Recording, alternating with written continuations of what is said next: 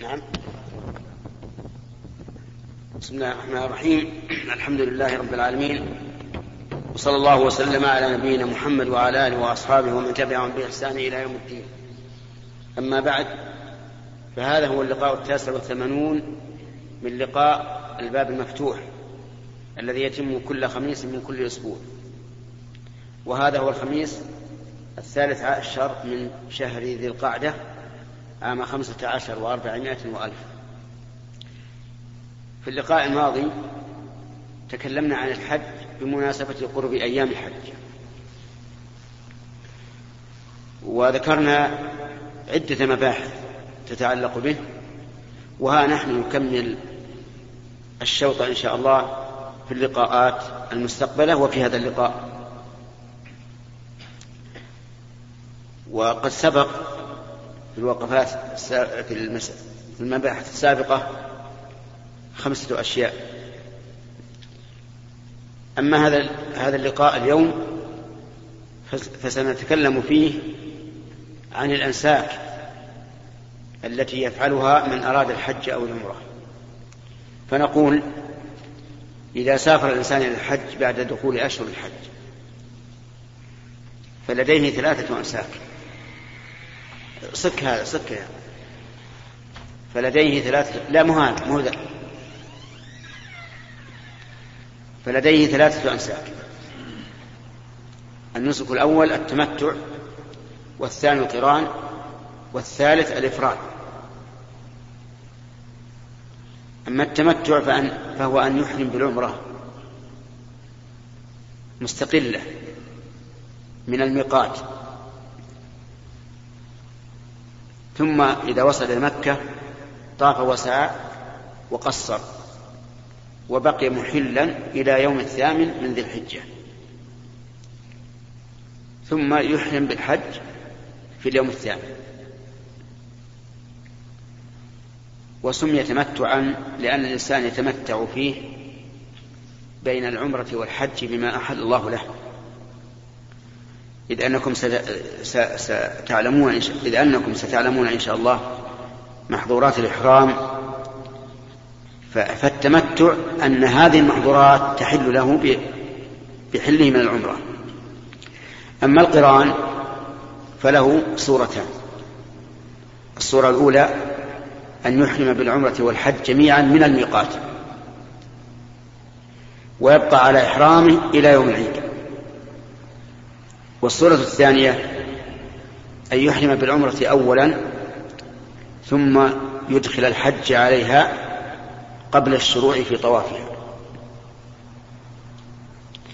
لكن هذه الصورة لا ينبغي للإنسان أن يفعلها إلا إذا دعت الحاجة إلى ذلك مثل أن تحيض المرأة في أثناء العمرة وتخشى أن لا تطهر قبل يوم التروية. أو قبل يوم عرفة فحينئذ نقول أدخل الحج على العمرة وتكون قاربة. وكذلك لو أن الإنسان قدم مكة متأخرا وخاف أن لا يتمكن من العمرة قبل الحج وقد أحرم بالعمرة فحينئذ نقول أدخل الحج على العمرة. فصار القرآن له صورتان الصورة الأولى أن يحرم بالعمرة والحج جميعا من الميقات. ويقول لبيك اللهم عمرة وحجا ويبقى هذا على إحرامه إلى يوم العيد. والصورة الثانية أن يحرم بالعمرة أولا ثم يدخل الحج عليها قبل الشروع في طوافها وهذه الصورة قلت لكم إنه لا ينبغي للإنسان أن يفعلها إلا إذا دعت الحاجة إلى ذلك. ومثلنا بمثالين المثال الأول امرأة أحرمت بالعمرة ثم حاضت فخافت أن لا تطهر قبل يوم عرفة. فحينئذ نقول أدخل نعم قبل يوم عرفة أو قبل دخول آه، زمن الحج وهو اليوم الثامن من الحجة. حينئذ نقول لها أدخل الحج على العمرة. والمثال الثاني رجل قدم مكة متأخرا وأحرم بالعمرة وخاف أن لا يتمكن من أدائها قبل الحج فحينئذ يدخل الحج عليها ويكون قارئا. الثالث من أنواع النسك الإفراد. والإفراد أن يحرم بالحج مفردا من الميقات. فيقول لبيك اللهم حجا. وهذه الأنساك يخير فيها الإنسان. ولكن الأفضل التمتع. لأن هذا هو الذي أمر به النبي صلى الله عليه وعلى آله وسلم ولأنه يتمتع به فيما بين عمرته إلى الحج بما أحل الله له فيكون له شيء من الحرية ولأنه يؤدي العمرة كاملة بأفعالها والحج كاملا بأفعاله. فهذه ثلاث ثلاث مرجحات. المرجح الأول ما هو؟ نعم. نعم؟ لا المرجح الأول. أنه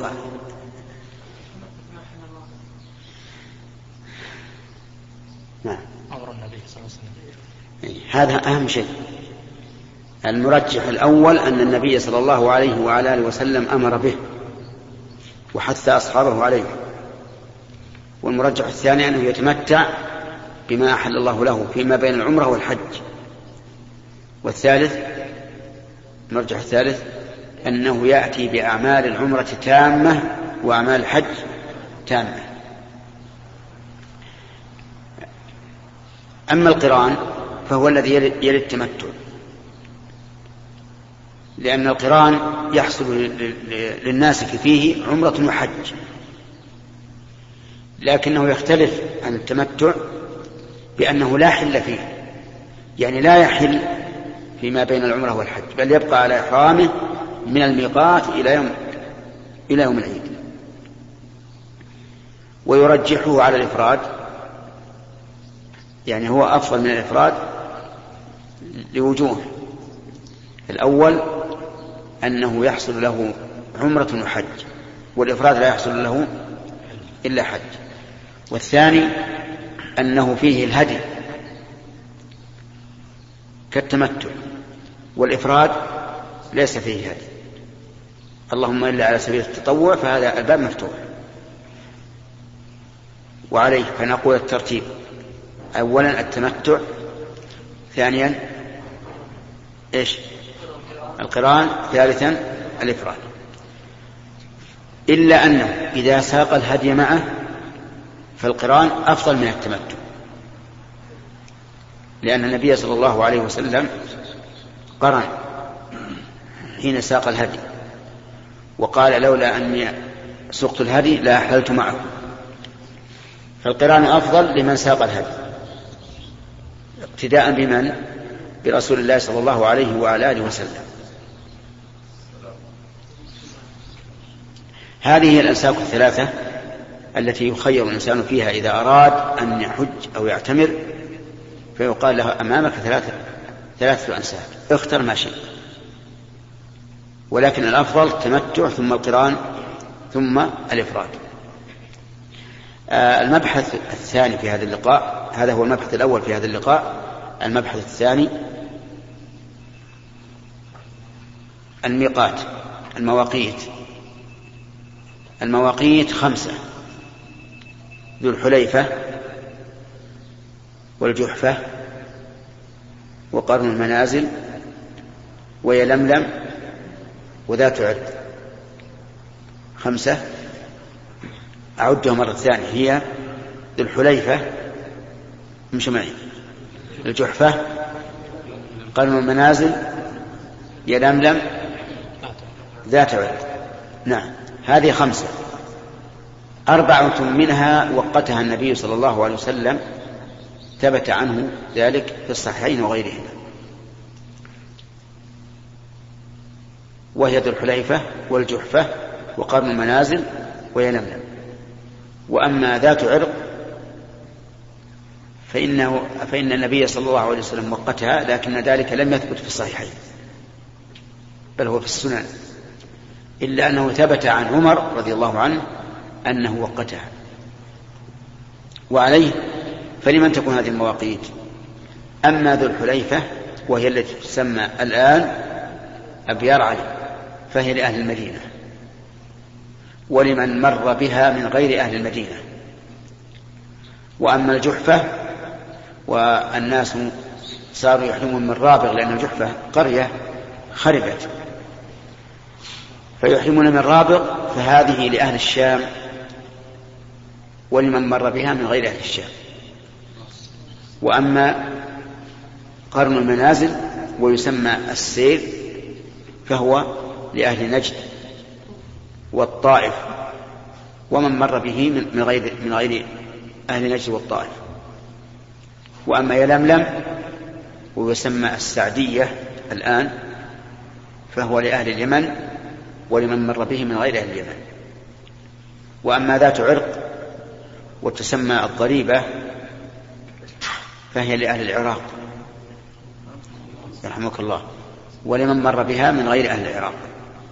هذه المواقيت وقتها النبي صلى الله عليه وعلى آله وسلم وكما يعلم الكثير منا هي تختلف بالقرب والبعد من مكة فبعضها يصل إلى ثمان مراحل أي ثمانية أيام وبعضها إلى يومين.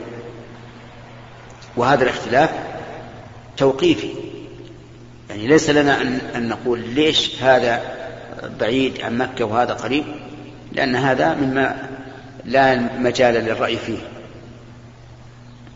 من مر بهذه المواقيت وهو يريد الحج أو العمرة وجب عليه أن يحرم منها. ولا يحل له أن يتأخر. ودليل هذا ما ثبت في الصحيحين عن عبد الله بن عمر أن النبي صلى الله عليه وعلى آله وسلم قال يهل أهل المدينة من ذي الحليفة. يهل وهذا خبر بمعنى الأمر. فيكون واجبا على كل من مر بهذه المواقيت وهو يريد حجا أو عمرة أن يحرم منها. فإن مر بها وهو لا يريد حجا ولا عمرة وإنما يريد مكة لزيارة قريب أو عيادة مريض أو تجارة أو علم أو غير ذلك فهو بالخيار إذا كان قد أدى الفريضة. إن شاء أحرم وإن شاء لم يحرم. وسواء طال طال غيابه عن مكة أو لا. وأما ما اشتهر عند العوام أنه إذا كان قد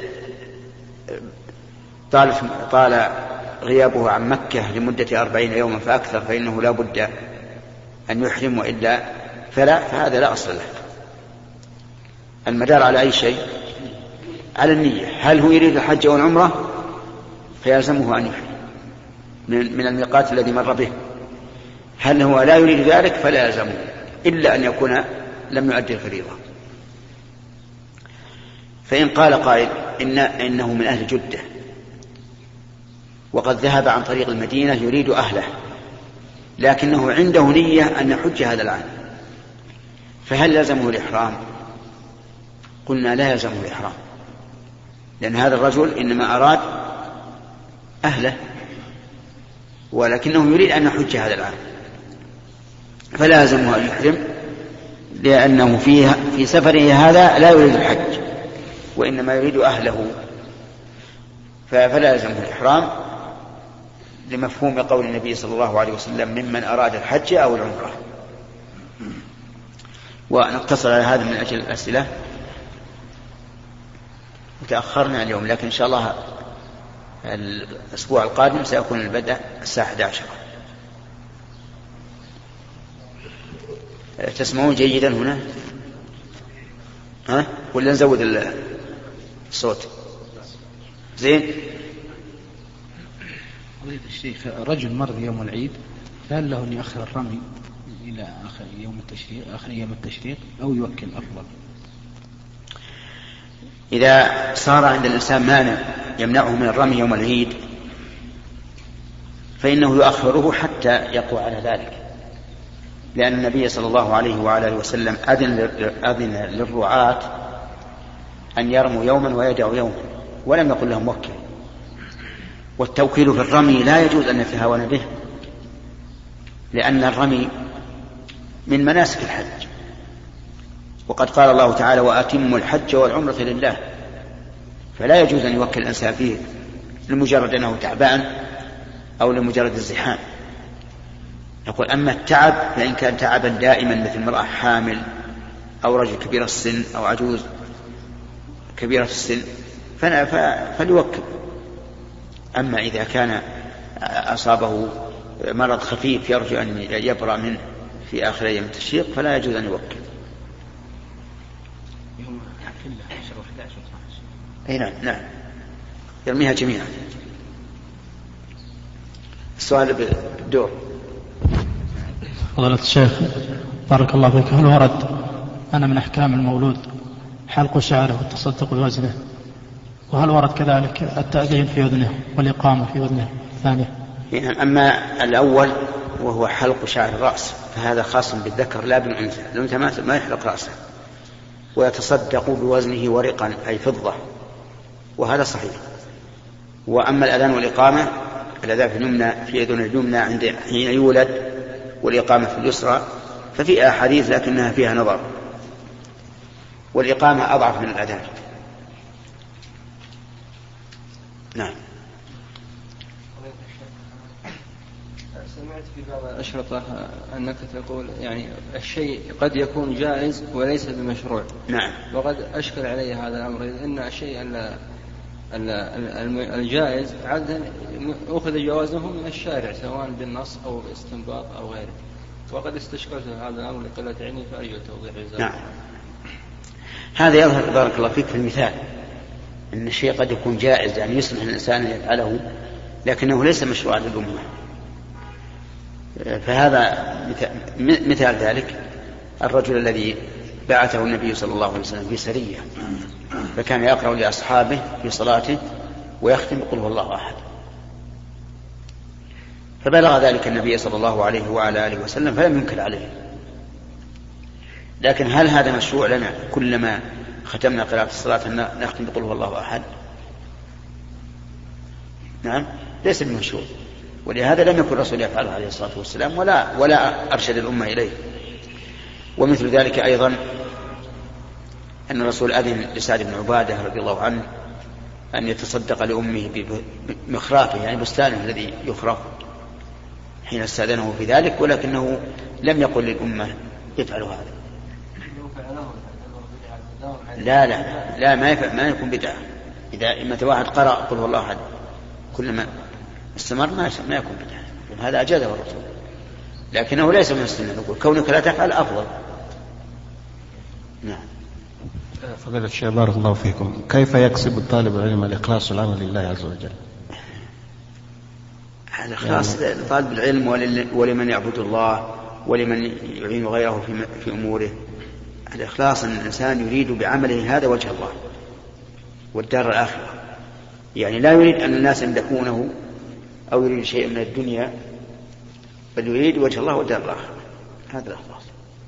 والإنسان يستعين على هذا بأن يقول لنفسه ماذا ينفعك إذا علم الناس بالعبادة أو مدحوني؟ ما الذي ينفعني؟ لا ينفع إلا الله عز وجل. وكلما حاول الإنسان أن يجد من نفسه رياء فليستعذ بالله من الشيطان الرجيم. لأن الرياء من عمل من عمل الشيطان. فضيلة الشيخ تقوم شركة الراجحي بصرف بطاقة الآلية. وأنه ضعيف شوي. الصوت هذا. لا ضعيف ضعيف.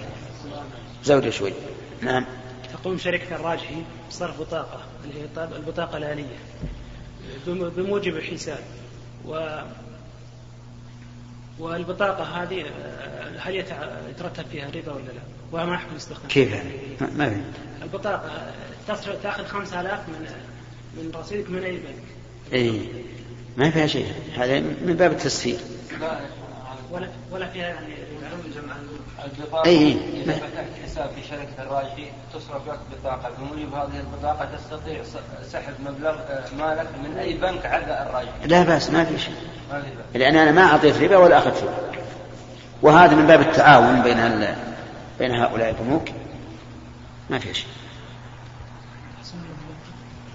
شيخنا ما حكم النيابة عن إيش؟ حكم النيابة عن بالعوض؟ وهل تنوب نيابة إيش؟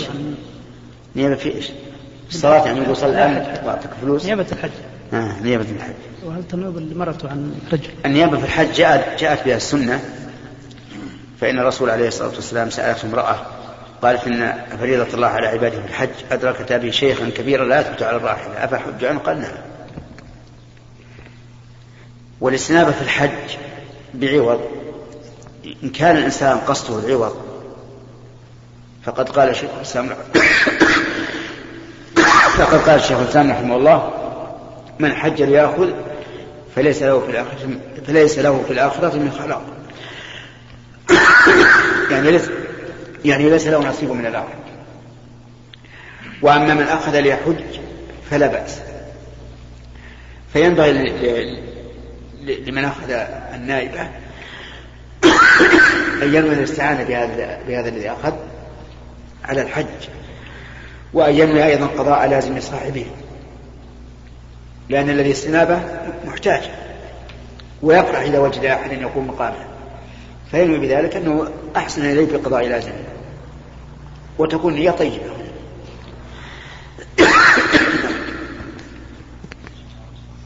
فضيلة الشيخ.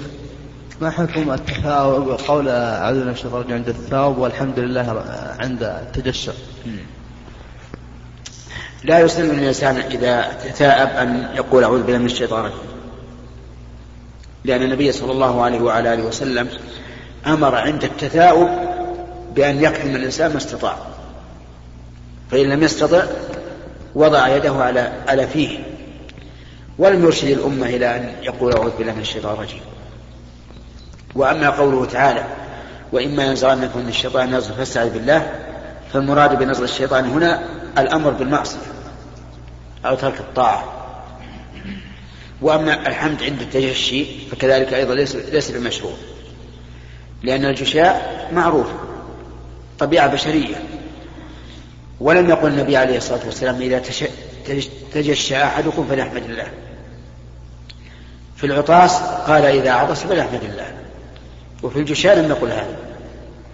نعم لو فرض أن الإنسان مريض. مريض بكونه لا تجشى. فأحس بأنه قدر على هذا الجشاء. فهنا يحمد الله لأن نعمة متجددة. نعم. بسم الله الرحمن الرحيم. فضيلة الشيخ رجل حج وقف في عرفة. بعدين صاحب العمل منعه من الحج. قال له حجك تم ما دمت وقفت في عرفة خلاص ما يحتاج تكمل النسك نعم. هل حجك تام ولا يقضي؟ لا باقي عليه بارك الله فيك. باقي عليه الطواف والسعي. إذا لم يكن قارنا أو مفردا سعى مع طواف القدوم وبقى عليه المبيت في مزدلفة والمبيت في منى ورمي الجمار وطواف الوداع. هو عامل. صاحب العمل منعه من الحج. طيب. عندما وقف في عرفة قال له خلاص انت الآن لكن أليس أذن له أن يحج؟ أذن خلاص يكمل يلزمه أن أن يأذن له بالبقية. ولا ولا يجوز أن يحلله يعني لا لا يجوز أن يقول تحلل الآن خلاص. ولو قال ذلك فله الحق أن يمتنع ويرفع الأمر إلى إلى إلى الجهة المسؤولة. نعم. فضيلة الشيخ ورد عن النبي صلى الله عليه وسلم أنه يقول إذا انتهى من الصلاة اللهم قني عذابك يوم تبعث عبادك فهل يجوز للإنسان أن يجعله من أذكار الصلاة أو يجعله من أذكار الصباح والمساء؟ لا هذا يجعل مكان الصلاة.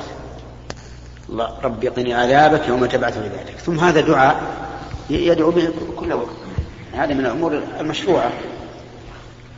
اللهم قنا عذابك يوم تبعث عبادك رب اغفر لي خطيئتي يوم الدين وما أشبه ذلك. عفى الله عنك. الاشتراط يا شيخ في الاستنابة للحج والعمرة. في إيش؟ الحج والعمرة. هل يلزم أن يكون من يحج عنه ميت أو عاجز؟ ولا لو إنسان مثل مسؤول أو إنسان بيعطي إنسان مبلغ ما يستطيع يذهب عنده أشغال. أنه يعطيه فلوس عشان يعتمر عنه ويحج عنه. هو بارك الله فيك. إذا كان هذا الحج فريضة. نعم. فلا يجوز أن أن يستنيب القادر على من يؤدي من يؤدي عنه. طيب. إذا كان نافلة فقال بعض أهل العلم إنه يجوز إذا جاز الاستنابة في الفريضة. في الفريضة. يعني بأن يكون عاجزا لا يستطيع وأما القادر فلا. وقال بعض العلماء لا النفل ليس فيه استنابة لا في لا في العاجز ولا القادر. لأن هذه عبادات مطلوبة من الإنسان نفسه. فإن كان قادرا فذاك المطلوب وإن لم يكن قادرا فإما أن تسقط عنه وإما أن ينيب غيره إذا كان مما تدخله النيابة. وهذا في نظري أقرب إلى الصواب. لأن لو فتحنا الباب صار كل إنسان إذا كان ولا سيما الغني إذا جاء وقت الحج نام على سريره وأعطاه الناس يحجون عنه. فلنقول هذا عبادة إما أن تقوم بها أنت وإلا فتركها وخير من ذلك إذا كان الله قد أعطاه المال خير من ذلك أن يعين من يحتاج إلى إلى الحج في الفريضة أو في النافلة. فهو أفضل من أن يقول يا فلان حج عني نعم. ذكر في كتاب الممتع في المقدمة مسألة عطف العام على الخاص و... وذكر في... وذكر فيها أن فيه قولان. القول الأول أنه يدخل الخاص في العام وهذا يكون متكرر مرتين. والقول الثاني أنه لا يدخل فيه آه، ويكون على الثاني متكرر مرة واحدة. ها؟ يكون متكرر مرة واحدة في الخاص فقط. يكون مستقلا آه، نعم نعم. لوحده. ما معنى هذا؟ قال الله تعالى تنزل الملائكة والروح فيها. الروح من؟ جبريل وجبريل من الملائكة. فهل نقول إن جبريل دخل في العموم في قول تنزل الملائكة؟ إن قلنا أنه دخل في العموم صار الحديث عنه مرة ولا مرتين مرتين.